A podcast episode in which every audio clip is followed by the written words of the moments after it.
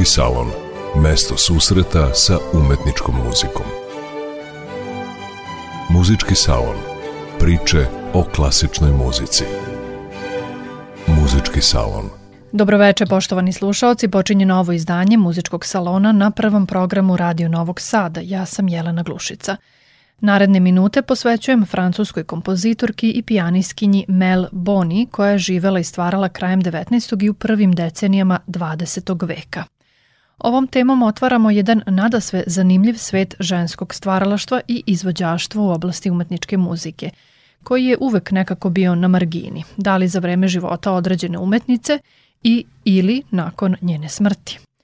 Širem auditorijumu verovatno je najpoznatija umetnica iz epohe romantizma Klara Schumann, supruga poznatijeg Roberta.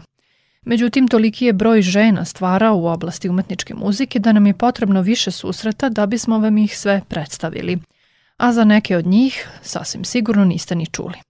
To će nam biti jedan od ciljeva u narednim izdanjima muzičkog salona, da vam otkrijemo talentovane muzičarke koje nisu bile samo muze svojim muškim kolegama, već su bile istinski stvaraoci. Nije im uvek bilo lako da se pozicioniraju u svetu muzike koji je čak i danas dominantno muški. Takav je slučaj sa našom današnjom kompozitorkom i pijanistkinjom koja je uprko svim preprekama uspela da se ostvari u oblasti za koju je pokazala izrazite naklonosti. Melanie Ellen Boni je studirala kompoziciju na Parijskom konzervatorijumu u klasama čuvenih kompozitora i pedagoga Cezara Franka, Ernesta Giroa i Augusta Bazija. Bila je veoma perspektivna studentkinja, ali je pod pritiskom porodice morala da napusti studije. Međutim, snažan stvaralački impuls naveo ju je da se i pored nerazumevanja svoje neposredne okoline posveti komponovanju. Na početku emisije slušamo šest valcera kaprisa za klavir u četiri ruke. Sviraju Loran Martin i Claudine Simon.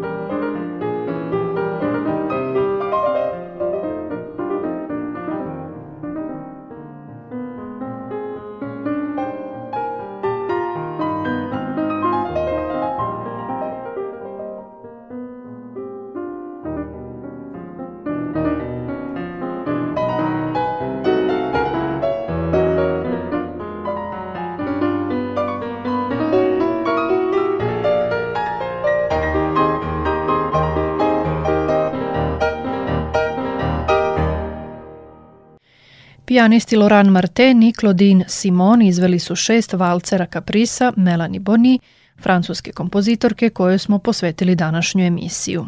Melanie je rođena 21. januara 1858. godine u skromnoj parijskoj porodici. Bila je živahno dete, snažne volje, nadahnuta religijom, vaspitana u strogom duhu katoličke vere. Sama je naučila da svira klavir u porodičnom okruženju koje nije podržavalo njenu želju da se bavi muzikom. Tako je bilo sve do njene 12. godine kada su roditelji odlučili da joj dozvole formalno muzičko obrazovanje pod uticajem prijatelja, gospodina Morija, profesora Trube na Parijskom konzervatorijumu. Zahvaljujući njemu, 16-godišnja Melanie upoznaje ni manje ni više nego Cezara Franka, tada poznatog kompozitora, koji je pokazao interesovanje za talentovanu devojku. Davao joj je časove klavira i povoljno ocenjivao njene prve kompozicije. Godinu dana kasnije Melanie je počela da studira na prestižnom Parijskom konzervatorijumu.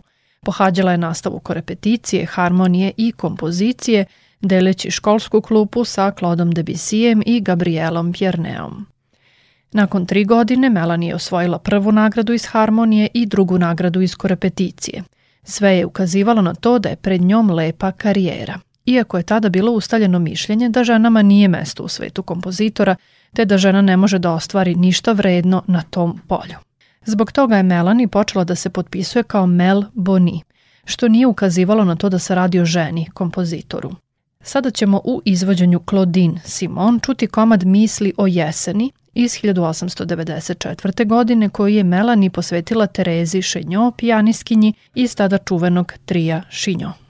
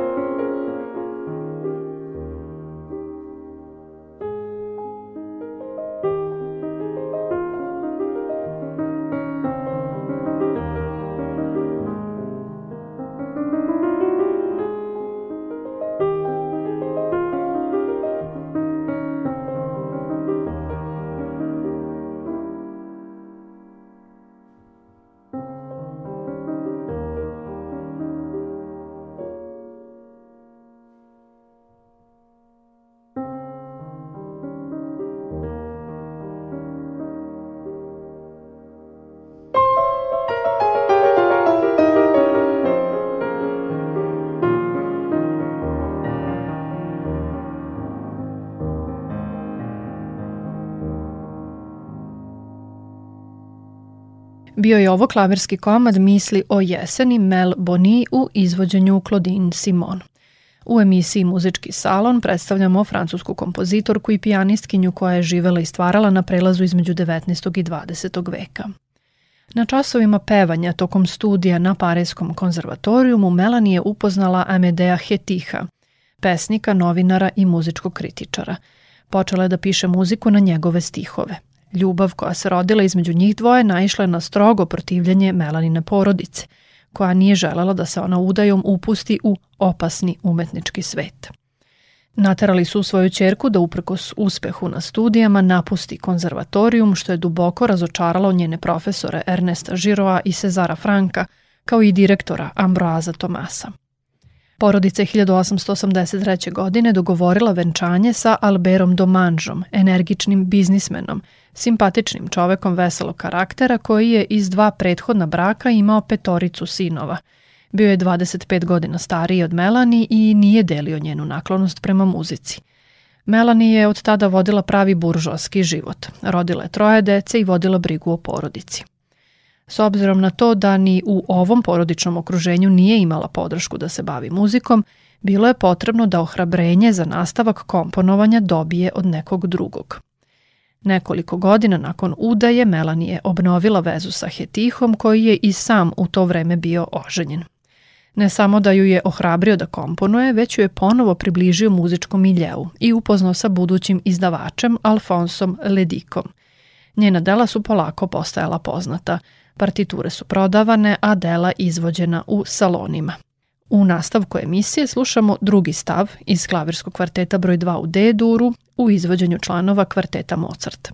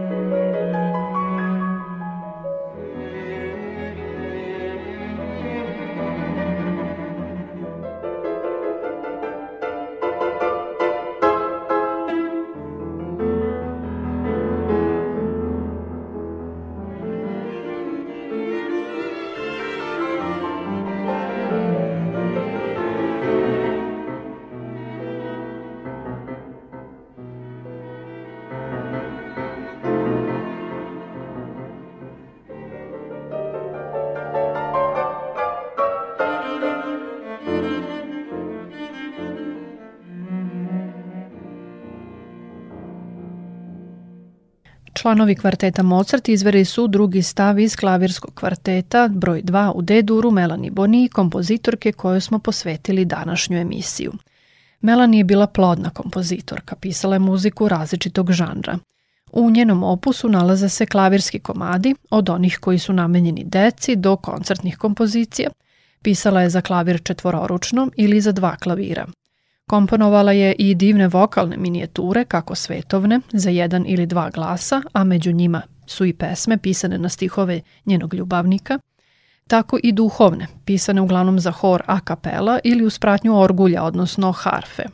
Napisala je oko 30 komada za orgulje ili harmonijum, oko 20 kamernih muzičkih dela poput sonata, kvarteta, septeta i drugog.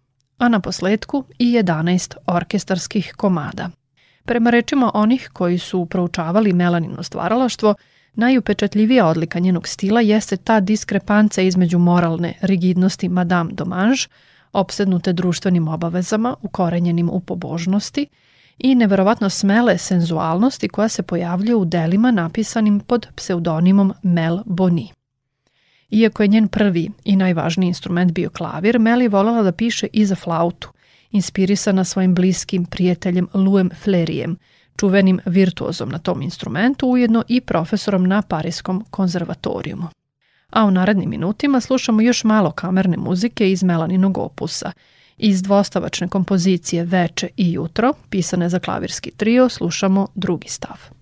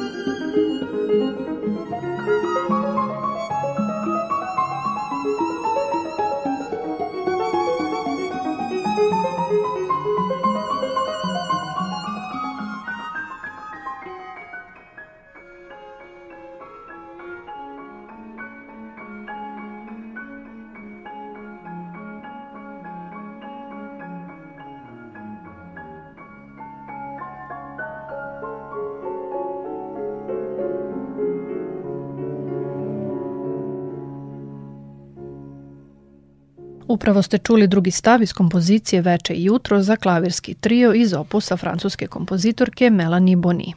U teškim vremenima nakon rođenja vanbračnog deteta, čerke Madeleine iz veze sa Amedeom Hetihom, koju nikada nije smela da prizna, Melanie se svom snagom posvetila komponovanju i promovisanju svoje muzike. Iako je čerku dala na usvajanje, brižno je pratila njen život i interesovala se za njeno obrazovanje. Ključni period u Melaninom umetničkom životu obuhvatao je poslednje decenije 19. i prvu deceniju 20. veka. Tada doživljava lepe uspehe. Postaje članica društva kompozitora Francuske koja je organizovalo takmičenja. Melanie je dva puta pobeđivala, naročito se istakavši svitom za hromatsku harfu i četiri duvačka instrumenta. Sekretar društva kompozitora postala je 1910. godine, što je bilo jedinstveno dostignuće za jednu ženu tog vremena. Svakog dana je bila okružena velikanima parijskog muzičkog života, kojeg su činili kompozitori poput Žila Masnea, Camille Sensansa, Gabriela Forea i drugih. Tada su njene kompozicije izvodili neki od najboljih muzičara tog vremena u renomiranim koncertnim dvoranama. Eminentni muzičari govore o njenoj muzici sa poštovanjem i divljenjem, pa je tako Sensan zapisao ove reči govoreći o Melinom prvom kvartetu. Nikada ne bih pomislio da je jedna žena sposobna da napiše ovo. Ona poznaje sve trikove ovog zanata. Za kraj današnje emisije slušamo Melaninu kompoziciju Los Hitanos za klavir četvororučno iz 1891. godine u interpretaciji Lorana Martena i Claudine Simon. Bila je ovo samo prva u nizu emisija koje ćemo u narednom periodu posvetiti talentovanim ženama, čije je stvaralaštvo najčešće ostajalo na margini muzičke istorije. Do tada, srdačan pozdrav i do slušanja.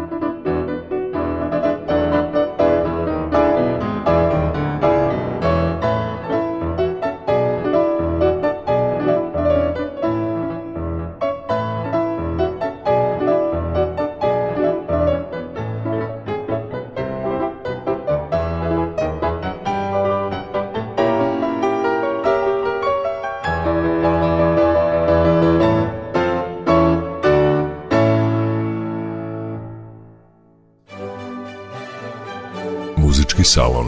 Mesto susreta sa umetničkom muzikom. Muzički salon. Priče o klasičnoj muzici.